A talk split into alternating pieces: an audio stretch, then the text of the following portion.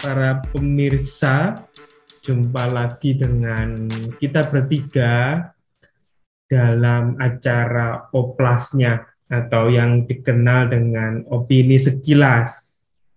Nah, untuk topik kita pada sore hari ini ya guys, kita akan mengangkat mengenai suatu berita yaitu di mana sekarang untuk semua perjalanan domestik ya, baik dari laut, udara maupun air itu sudah tidak diwajibkan lagi untuk menunjukkan baik itu rapid test antigen maupun tes PCR seperti itu. Nah, untuk membahasnya saya pun juga tidak sendirian di sini, ada rekan saya yaitu Natra sama Surya gitu.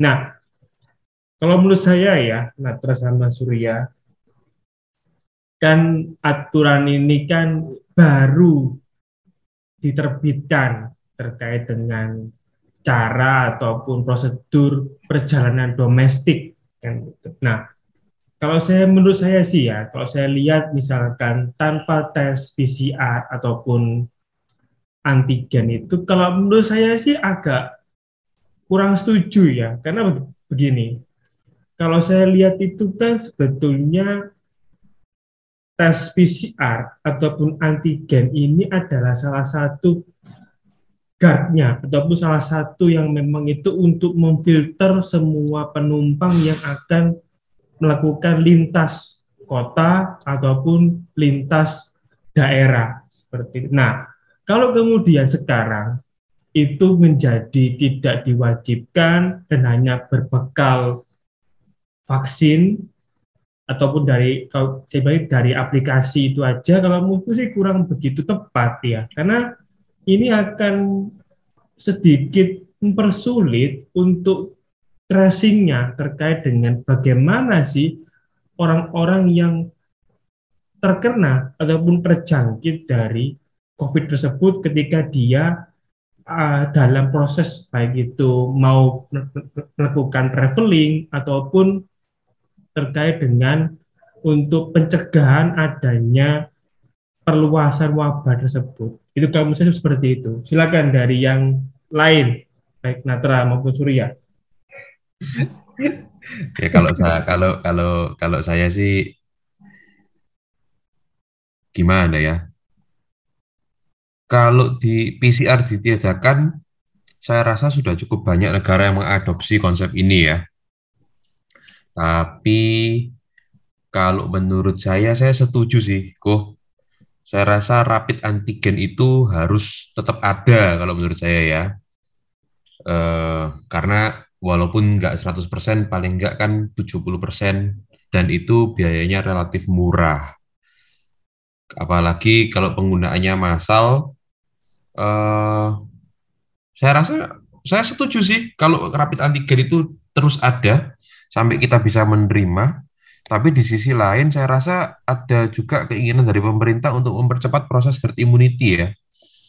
Jadi kemungkinan kalau bisa semua orang kena gitu loh kan kita mau keluar dari endem dari apa dari COVID ini ada cuma dua jalan. Satu, ditemukan obat yang membuat penyakit ini mudah untuk diobati dengan cara yang relatif cepat dan murah, atau semua orang memiliki ke kekebalan tubuh. Saya rasa untuk sekarang untuk dunia pengobatan juga belum ada, walaupun beberapa brand seperti Pfizer sudah mengklaim ya menciptakan tablet COVID tapi saya rasa belum punya cukup lab eh, apa ya masa uji coba yang cukup untuk menyatakan tingkat efektivitasnya.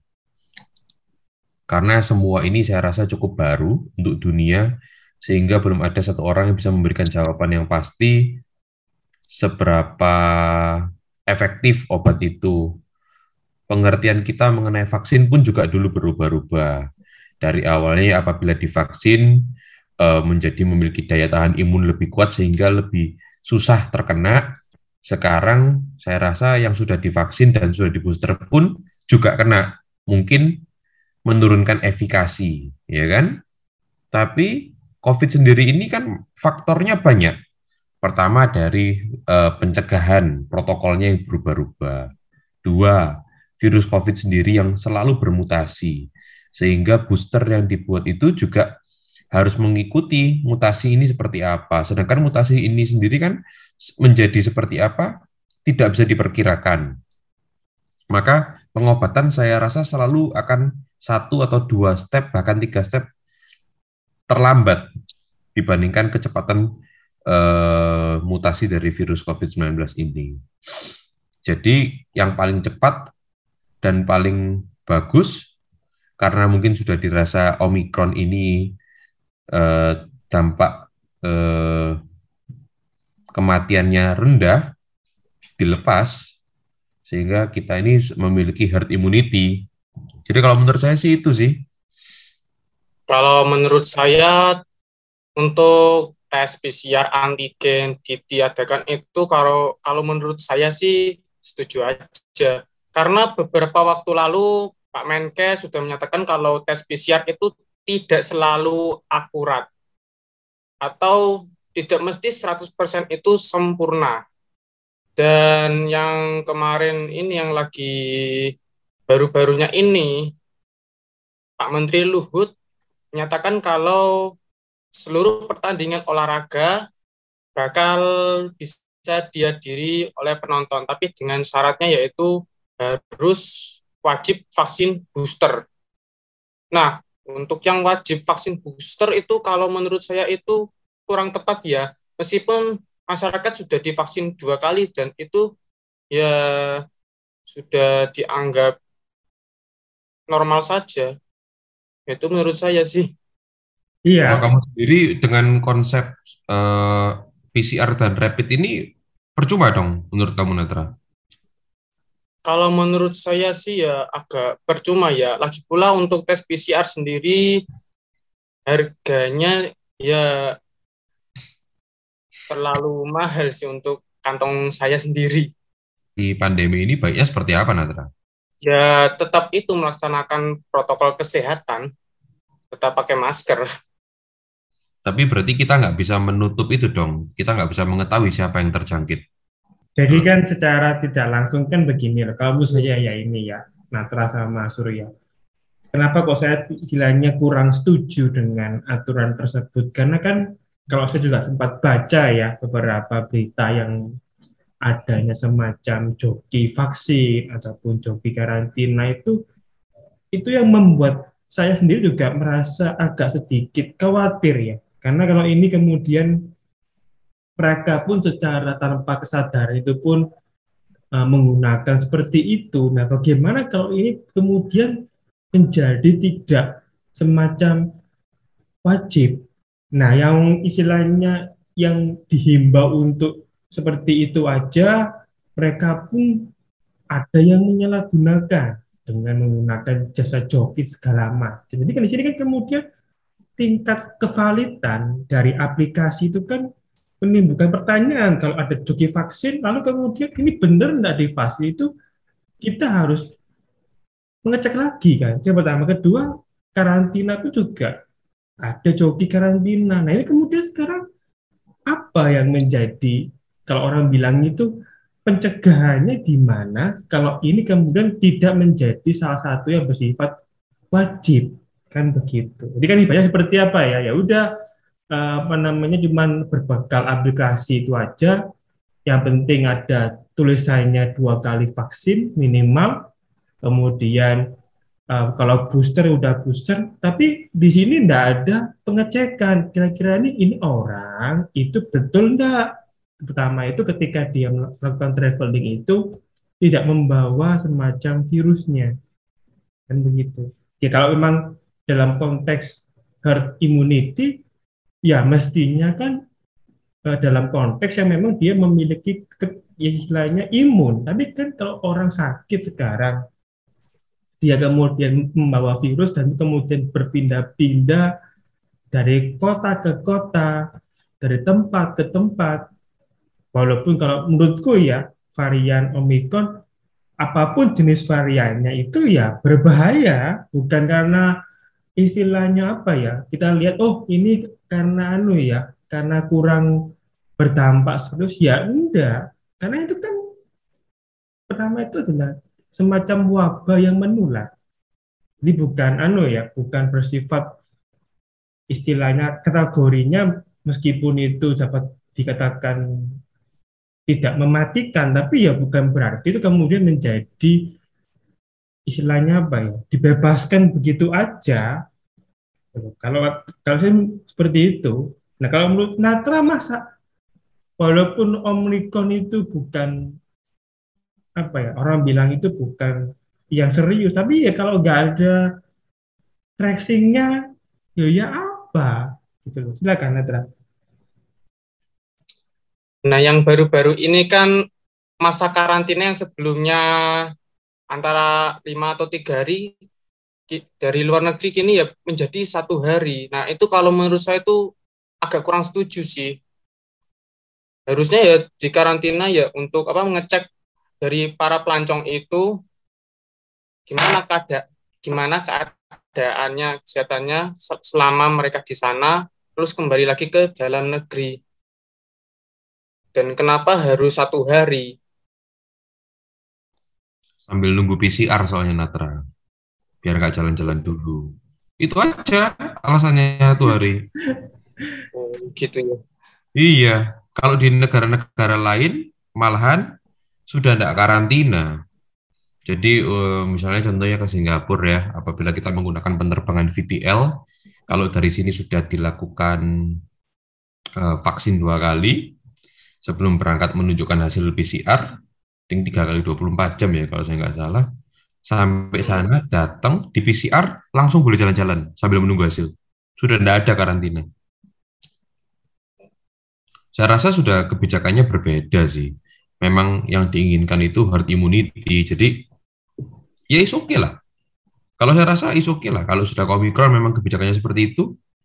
Kalau nggak gitu karena dampak dampak sisi lainnya karantina ini kan besar. Cukup besar loh dampak karantina ini. Di apa ya? Di ya kalau kalau orang-orang berkata, hmm? di, di kenapa? di kosnya, di biaya karantinanya. Maksudnya, maksudnya seperti itu lah. Enggak juga biaya karantinanya. Jadi gini, kalau kita kan orang traveling itu macam-macam. Ada yang liburan, hmm. ada yang bekerja, ada yang pulang kampung, ya kan? Ada yang dia sudah selesai bekerja harus balik dulu untuk rotasi Kemudian belum juga ada yang uh, traveling itu karena ada hubungan kenegaraan. Karena proses karantina itu kan everything becomes slow gitu ya. Sedangkan contoh nih, misalnya kita seorang seorang pela, kalau pelancong itu industri industrinya yang terkena di industri apa namanya pariwisata. Uh, pariwisata. Kalau bisnis itu kena banyak, semua lini kena kita ini sedangkan negara Indonesia ini kan mau dibuka, lagi cari pinjaman untuk membangun IKN. Kalau para investor-investor luar itu harus karantina 10 hari, mana mau? Ya kan? Mana mau dia datang ke Indonesia? Ngapain aku harus karantina 10 hari? Ya kan? Belum juga nanti kalau ada acara seperti SEA Games, Olimpiade, banyak sekali. Kalau memang dan tidak ada gunanya kita memperketat kalau the rest of the world dibuka gitu loh. Ya sudah, kalau memang yang mau dicapai herd immunity ya sudah. Apa pun resiko yang harus ditempuh, ya sudah. Kalau memang ada, mohon maaf, beberapa orang yang karena terbukanya, dibukanya apa namanya, dilonggarkannya peraturan ini mohon maaf sampai ada yang meninggal, ya itu adalah bagian dari kebijakan yang sudah diambil. Resiko ya. Resiko. Ini yang saya heran ini, apalagi kan MotoGP Mandalika kan apa itu juga ya harus apa masa karantina itu dipangkas sampai satu hari. Ya mungkin juga sih Natra. Kalau menurut saya sebenarnya itu apa ya? Pertama itu kan event-event juga memang mempengaruhi ya, mempengaruhi dari keberlangsungan juga terkait dengan perekonomian juga. Cuman ya kenapa itu menjadi uh, istilahnya berefek kepada kebijakan untuk pencegahan wabah tersebut. Karena kalau begini loh, andai kata event-event tersebut tetap, uh, tetap dijalankan dengan aturan yang lama. Kalau menurutku tuh kalau memang mereka-mereka yang ingin tetap datang ke negara kita dan memang juga mengetahui untuk keamanan juga mestinya sih tidak menjadi persoalan kalau dia harus karantina sekitar 10 hari. Karena gini loh itu kan mereka juga, juga udah pasti ini paham. Karena satu ini pandemi. Bukan istilahnya yang ada gini, di negara kita. Sorryku, kita putus. Indonesia tidak pernah menyatakan bahwa COVID ini pandemi. Loh iya, itu kan dari global yang mengatakan. Cuma kan ya. secara, secara Tapi kita sendiri Presiden Joko Widodo tidak pernah mendeklar ini adalah pandemi. Jadi saya rasa kebijakan yang dibuka ini sejalan lah, karena dia nggak merasa ini pandemi. Iya, itu kan begini loh. Pandemi itu kan memang uh, berdasarkan dari seluruh negara yang menyatakan seperti itu. Karena kan banyak wabah ini kan menjangkit di seluruh hampir keseluruhan negara kan begitu. Kecuali Indonesia karena tidak diakuin. loh, iya loh. Ini ini ini aku nih selalu kalau menurut aku ya kritikku yang paling keras ke pemerintah itu cuma satu. Kalau kamu mau mengakui ini pandemi, akuin. Kalau kamu nggak mau mengakui ini pandemi, ya enggak apa-apa. Dan mereka sudah mengambil keputusan untuk untuk tidak mengakui bahwa COVID-19 ini adalah pandemi. Berarti kebijakan yang mereka lakukan untuk membuka sekarang itu selaras dengan pola pikir mereka yang menganggap bahwa ini adalah sebuah penyakit biasa yang akan mati uh, dan tidak akan ber, ber, berkembang liar dengan banyak di Indonesia karena Indonesia negara tropis yang akan kalah dengan jahe merah, gitu. Terus kalau kata wapres kita apa? Kalah dengan doa kunut ya. Nasi kucing. Nasi kucing. Nah, jadi aku rasa sejalan kok aku. Iya, cuma begini loh. Kan kalau misalkan kita uh, berpikir secara logika juga ya, kan mereka yang di luar negeri pun juga sama, mengalami juga sama. Kan, nah, kalau itu kan kalau mereka datang pun ke negara kita dengan tujuan seperti itu, mestinya kan mereka juga lebih aware kan, tidak kemudian menjadi persoalan, ah, malas wes Ngapain aku harus lama-lama karantina loh? Kan memang ini ada wabah begitu. Jadi urgensinya kan mereka juga jelas, bukan kita itu apa ya berusaha agar para turis itu kemudian nggak masuk ke negara kita ya tidak. Tapi ini kan ibaratnya suatu langkah kebijakan untuk mencegah penyebaran yang lebih luas kan begitu. Nah kalau ini kemudian sekarang ini kemudian menjadi dibuka seperti itu lalu begini. Sekarang untuk visinya untuk penanggulangan wabah ini kan menjadi perlu dipertanyakan. Karena satu apa? Ibaratnya secara vaksin pun juga mereka pun juga ada yang menyalahgunakan satu karantina pun juga sama lalu kemudian sekarang kalau ini tidak adanya suatu aturan yang berketat Ya bagaimana bisa? Oh, udah ada aturan aja masih ada yang melanggar, apalagi nggak ada regulasinya, nggak ada ke kewajibannya untuk vaksin dan karantina. Ya kemudian bagaimana ke depan, begitu loh. Kan banyak loh, nggak ad, udah ada yang aturan aja pun mereka masih berani melanggar. Nah nio, gak ono sing ngatur. Ya apa? Orang Indonesia itu loh Sembarang kali digawe dulinan. Ojo peraturan. Yang di atas peraturan aja digawe dulinan, apalagi diatur. Mungkin cara satu-satunya mengatur orang Indonesia adalah dengan tidak diatur. Wis baba-baba no karepmu no. Lek modar ya ben baru. Nah orang orang kita nih loh, kalau waktu pada saat varian COVID yang delta parah-parahnya, tidak takut mati kok. Kita ini kan negara yang tangguh, luar biasa, Garuda dengan paruh dan kukunya yang tajam ya kan, selalu terbang, gitu. Mana takut kita sama virus? Iya, gimana ya? Kalau menurutku ya itulah, itulah memang menjadi banyak PR ya. Aku cuma terus terang memang terus terang agak sedikit anu ya, eh, khawatir kan satu masker aja ya, ini juga mohon maaf aja. Itu yang di jalan pun ya, itu pun kan juga nggak nggak pakai masker loh. Berarti apa lalu gini loh, apa argumentasi yang secara mendasar itu mengikuti pola-pola pemikiran dari luar negeri. Oh mereka aja masker itu aja masih banyak yang tidak mengikuti. Bahkan apa ya? Aduh, ke orang bilang itu barbar. Ada yang pakai masker di sini di dagu. Loh, karena memang visi kita kan bukan menggunakan masker dan mencegah, tetapi membangun imun yang kuat menghadapi segala macam virus gitu kan? Karena kita ini adalah memiliki dasar ideologi Pancasila ya kan, yang yang sila keempat bunyinya apa? Kalau ya memang harus dibagi-bagi. Natra. Sesama teman-teman kita.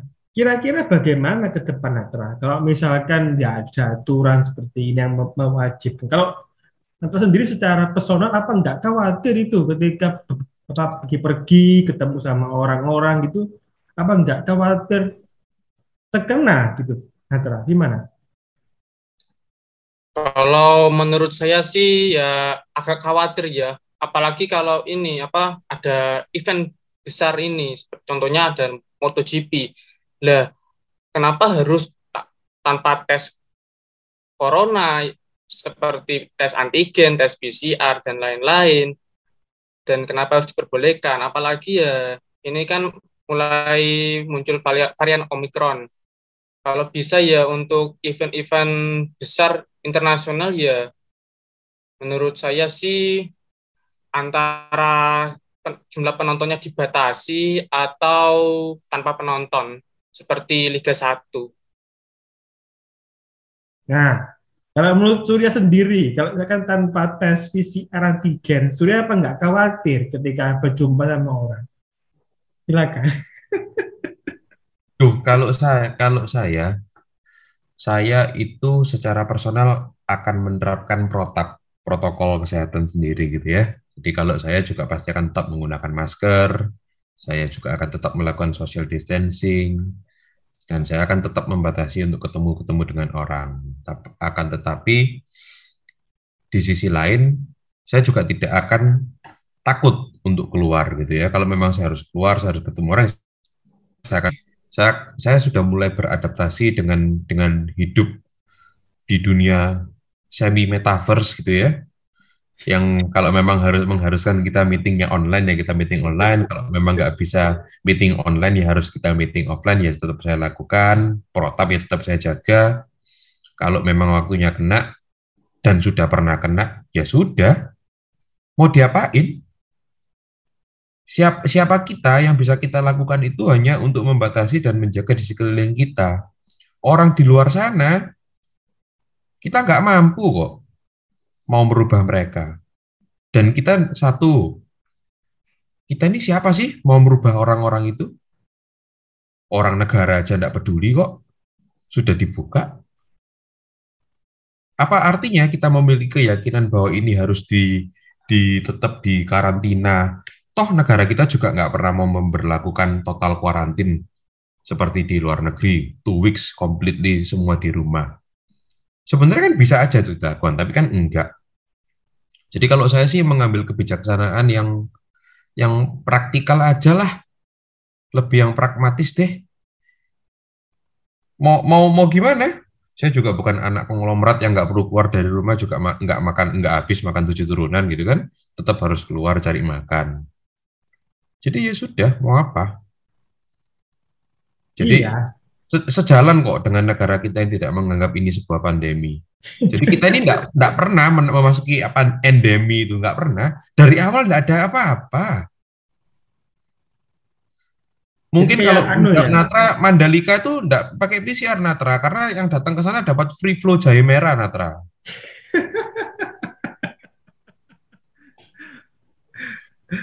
Kalau yang kemarin sih malah itu banyak penonton, kiranya di situ. Enggak apa-apa yang nonton juga dapat flow dapat free flow jahe merah kok. Jadi beli tiket dapat jahe merah.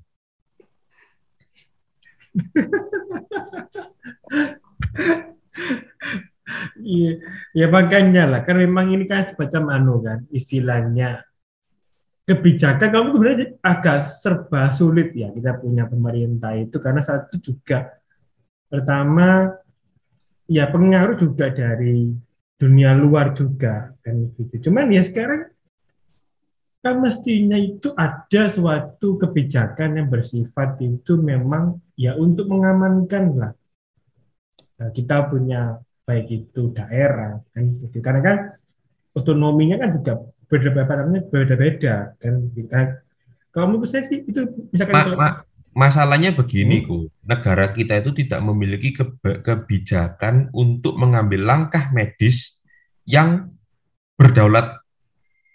Karena kita punya kiblat itu adalah WHO begitu WHO kiblatnya mulai membuka ya kita ngikut. Kita kan bukan bukan yang memiliki kebijakan dan berdaulat atas atas kebijakan kita kita ini kan pengekor ya kan Hmm, hmm. Jadi Cuma kan- ya sesuai kok kita dengan dengan garis awalnya itu kita sesuai. Iya, walaupun ini memang ada dari istilahnya WHO, setidaknya kan eh, istilahnya untuk anu ya eh, di beberapa tempat begitu kan yang memang anu ya ada sedikit perbedaan mungkin ya kan gini loh. Kamu saya kan dalam aturan tersebut kan istilahnya kurang begitu terlalu rinci ya. Karena kategori tanpa tes itu mestinya juga lebih apa ya dikhususkan buat memang yang tempat-tempat tertentu aja. Ya ya bukan kemudian bebas sebebasnya ya bukan. Kalau kalau antara bandara ataupun publik transport itu mestinya itu memang tetap ada karena aksesnya ya yang paling banyak di sana apa nama orang-orang kan bepergian ya lewat itu. Kalau mungkin ke tempat-tempat kayak restoran ataupun uh, publik ataupun kayak mall begitu oke lah kalau cuma berbekal istilahnya aplikasi tanpa tes PCR itu masih oke. Tapi kalau sudah mulai ke arah transportasi itu kan berhubungan dengan perpindahan. Nah ini yang kamu sih agak sedikit kurang pas. Gitu. Mending kayak dulu kan kalau kita ke mall aplikasi udah nggak apa-apa karena itu apa ya bukan kemudian menjadi satu tempat yang mengkhawatirkan itu sih kalau nah kan kalau itu memang tidak ada statementnya ya ya apa guys maksudnya ya apa ya kalau ibaratnya orang bilang itu bagaimana ke depan kan begitu gitu loh itu sih Nah, kalau dari Natra sendiri gimana Natra? Kira-kira menurut pendapat Natra, kalau ini tidak ada kewajiban seperti itu, apakah wabah dapat ditanggulangi nggak sih, Natra? Kalau menurut saya sih, ya benar sih menurut Pak Surya itu. Lah, Indonesia ini pandemi apa belum sih? pandemi apa tidak sih? Itu loh. Saya lihat di mana-mana kok ada yang nggak pakai masker ada yang pakai masker. Padahal ya semua masyarakat itu sudah divaksin. Lah terus kenapa itu harus masih ada aturan-aturan protokol kesehatan itu ya kalau menurut saya sih ya pemerintah ya harus evaluasi lagi lah untuk aturan-aturan selama pandemi ini. Oke, nah kalau menurut Surya sekarang, kalau ini Indonesia itu kira-kira ke depan gimana Surya? Apakah Indonesia itu kemudian- adalah bangsa yang besar. Kita ini Garuda. Apa arti flu-flu ini? Ya kan? Kita dengan panas, olahraga, makan makanan yang sehat, ya kan?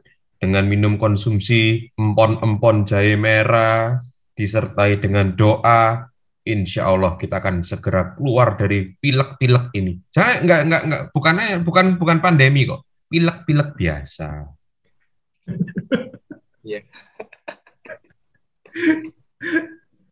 Itu aja.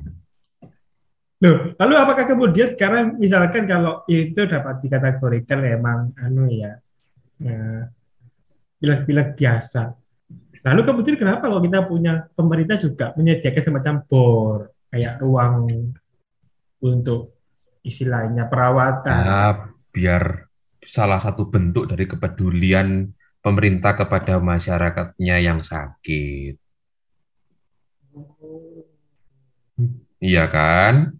Kan masyarakat ini membayar pajak. Tentunya kalau masyarakat Indonesia ini ada yang sakit, ada fasilitas dari negara. Ya yang bisa menolong mereka. Bukan pandemi kok ini, sakit biasa aja. Cuman pemerintah kita dengan optimal berusaha sekuat tenaga untuk menyelamatkan orang-orang yang batuk sampai mati.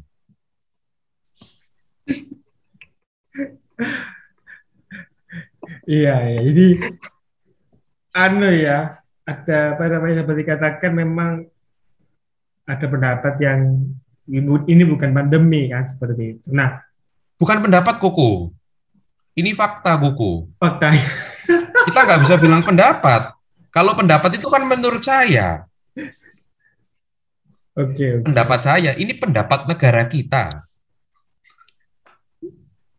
yang oke oke. Nah, lalu kemudian begini, iya. Kalau kita membahas mengenai pandemi ini kan juga tidak terlepas juga kan ya. Kamu ini juga tidak terlepas dari peran dari kita punya masyarakat juga kan begitu. Nah, memang mestinya sih istilahnya entah gimana ya.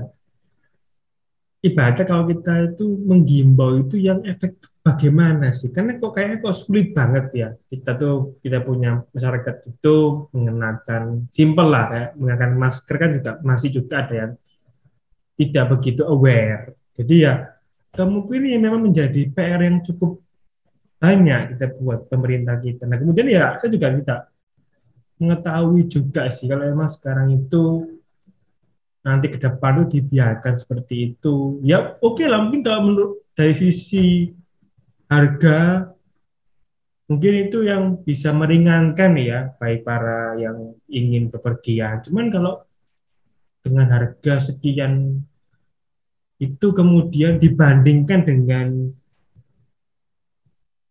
kesehatan, kalau menurutku ya itu jauh ber- berbeda. Kan kalau PCR itu mungkin sekarang sekitar berapa? 300-an. Tapi itu 275 ribu. hmm, dibanding dengan kita punya kesehatan loh Surya. Kalau menurutku tuh itu nggak sebanding Surya. Dibanding kita harus eh, apa namanya belani nggak bayar itu, kemudian kita nggak nggak melakukan tracing, kemudian kita menulari mungkin kita punya keluarga ataupun orang yang ada di dalam rumah, kamu jauh lebih anu ya, jauh lebih resiko. Belum lagi nanti kalau sekarang Su- Surya ataupun Natra punya keluarga yang punya penyakit komorbid, kan ya menurutku jauh lebih berbahaya kalau emang itu tidak ada tracingnya gitu. Apa apa Natra sama Surya juga enggak menyayangi anggota keluarganya. Silakan, gimana?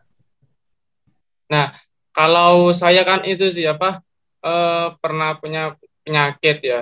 Padahal ya beberapa waktu lalu kan saya kan berdekatan dengan orang yang pilek. Nah,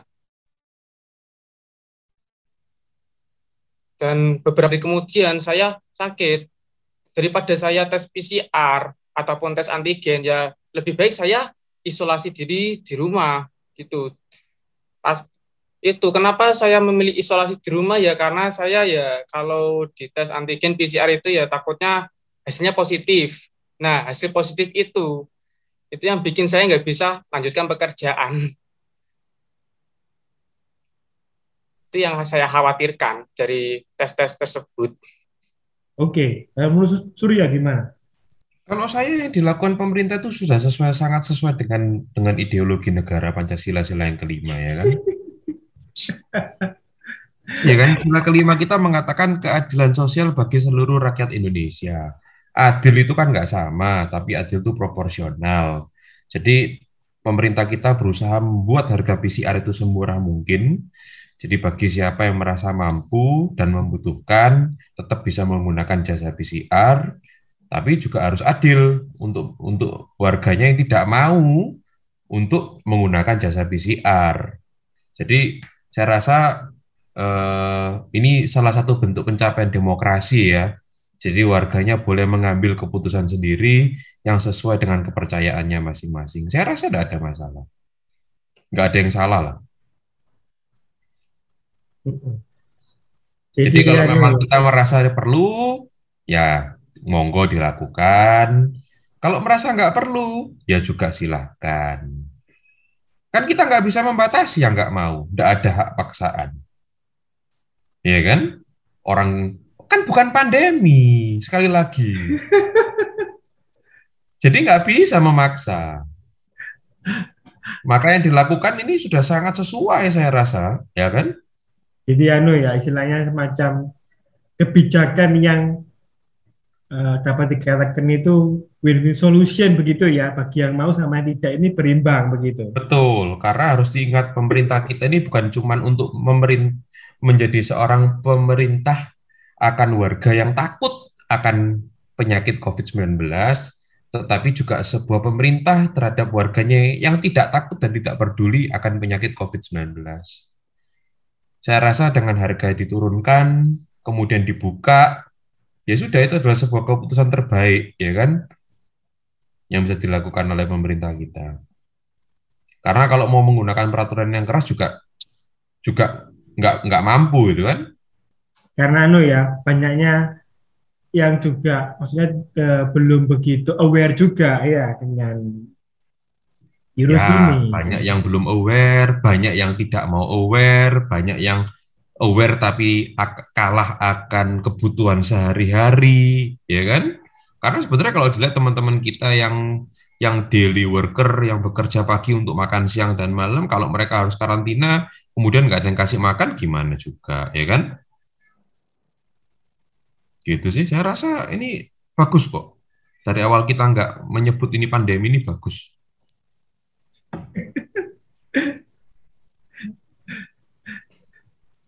Lalu kemudian kalau ini kemudian menjadi tidak terkendali, apakah kemudian uh, tidak merepotkan sendiri dari kita punya pemerintah? Kan kalau ini kemudian menjadi suatu hal yang serius ke depan, banyak yang kemudian terjangkit. Nah, apakah ini justru tidak semacam anu ya kebijakan yang bersifat bumerang buat kita punya pemerintah. Gimana? Natra ataupun Surya, silakan. Pak Surya dulu. Bumerangnya di mana? Bumerangnya adalah ketika terjadi lonjakan. Seleksi alam. Maksudnya yang yang bisa bertahan yang oke okay, gitu yes. ya. Karena in the end of the day semua kebijakan tidak, tidak akan bisa melawan law of nature. Berarti yang kuat, yang sembuh, ya sudah, oke okay, gitu maksudnya. Dari dulu hidup itu kan memang begitu. Seleksi alam itu pasti akan terjadi. Mau dengan bencana alam, mau dengan besak wabah penyakit, mau dengan tingkat ekonomi, semua intinya adalah seleksi alam. Kalau kamu mampu berobat, ya kamu selamat. Kalau imun kamu kuat, ya kamu selamat. Kalau kamu adalah orang yang beruntung seumur hidup sampai meninggal tidak pernah ketemu orang yang sakit, ya juga kamu nggak ada masalah dengan dengan COVID-19 ini. Jadi tidak ada pemerintah yang yang yang yang sorry, bukan tidak ada. Pemerintah kita tidak mengambil jalan untuk melawan Mother of Nature. Beda dengan pemerintah-pemerintah di luar. Dengan wabah ini diterapkan semua karantina dua minggu di rumah, total karantina uh, makan dikasih. Itu mereka mengambil keputusan yang melawan Mother of Nature. Mereka berusaha menyeimbangkan playing field. Kalau Indonesia kan enggak. Kita kan adalah negara yang kuat warganya. Orang akhir bulan enggak duwe-duwe ecek cengar-cengir. Nggak tahu siang mau makan apa juga prengas-prengas kok. si yang nggak punya uang jadi nyari rokok bijian kok. Kita nih mana takut sih? Mati ya suratan nasib dan takdir kan gitu. Jadi saya rasa ini sebuah keputusan yang bagus lah. Dengan segala macam kearifan lokal ya kan? Untuk untuk diberikan kepada rakyat Indonesia saya rasa bagus lah. Toh gak kena diatur ya Silakan. Angil tuturan nih, angil tuturan nih. Akhirnya diatur ya mungkin ya ini ya dibiarkan begitu ya. Iya. Kalau dari Natra gimana? Ya apa Natra? Ya, saya setuju sih sama pendapat dari Pak Surya. Siapa yang kuat, dia yang menang. Itu yang namanya bertahan hidup. Ya, seperti itulah kehidupan. Jadi begitu ya. Jadi kembali ke Ya. hukum alam kan begitu. Oke. Nah, eh, untuk kesimpulannya nih, konklusinya ini buat topik kita pada sore hari ini apa buat para netizen? Silakan mungkin dari Natra ataupun Surya dulu. Ayo Natra, tadi sudah saya dulu, sekarang kamu dulu lah. Kalau dari saya, pemerintah perlu evaluasi lah untuk dari segala aturan-aturan yang berhubungan dengan protokol COVID ini. Ya, apalagi sebentar lagi kan mendekati Hari Raya. Apalagi kan untuk mudik kan sebentar lagi diperbolehkan. Ya, kalau bisa ya ada aturan-aturan khusus lah untuk menghadapi macam seperti itu. Ya, pokoknya intinya evaluasi. Kalau saya, saya, saya rasa saya mau menutup ini dengan sebuah analogi, ya kan? Loh, jangan ketawa dulu, kok. ya kan? Kalau kita ini punya dua anak, yang satu selalu terlindung di dalam rumah, selalu hidup di dalam perlindungan yang yang yang kokoh, makan dijaga, ya kan, tidur diatur, apakah bisa lebih kuat dibandingkan dengan anak yang dibiarkan hidup bersatu dengan alam, ya kan, hidup sesuai dengan hukum alam, yang makan harus cari sendiri, memiliki semangat berjuang, ya kan, yang tidak ada yang peduli, harus memiliki survival instinct, mana yang bisa bertahan di dalam kehidupan? Saya rasa yang kedua. Nah, saya rasa pemerintah Indonesia itu ingin menjadikan warga Indonesia itu warga yang kuat, gitu kan? Bisa melawan alam, bisa memiliki survival instinct, bisa hidup dalam tekanan apa pun, sakit bisa sembuh, ya kan? Imunnya bisa bangun, tidak punya uang masih bisa cengar-cengir, ya kan? Saya rasa tidak apa-apa, kita harus mendukung kebijakan pemerintah gitu. Oke, kalau dari saya ya, kalau saya pendapat saya sih ya, alangkah baiknya itu perlulah dikaji lagi ya, karena kebijakan seperti ini itu kalau menurut saya itu justru mengkhawatirkan, karena pertama juga kita punya negara itu kalau menurut saya negaranya belum siap untuk memang mengikuti dari pola-pola yang ada di luar negeri karena juga secara kesadaran pun juga masih belum terpenuhi. Jadi ya tentunya juga akan berimbas kepada nanti itu penanggulangan wabah ini. Terlepas ya kalau memang mau dibuat semacam survivor seperti Surya, boleh, cuman alangkah baiknya juga diikutilah dengan regulasi-regulasi yang cukup mengatur. Jadi walaupun menggunakan prinsip law nature, tapi juga kemudian tidak menghilangkan regulasi. Jadi biar di sini itu istilahnya ada salah satu kebijakan yang juga memberikan himbauan agar kita itu bisa tetap mengikuti prosedur kesehatan yang aman dari versi kita punya pemerintah. Seperti itu sih dari saya. Oke, bagi yang sudah nonton ya, jangan lupa kemudian like, komen, dan subscribe. Sampai jumpa di edisi-edisi berikutnya. Bye-bye. Bye-bye.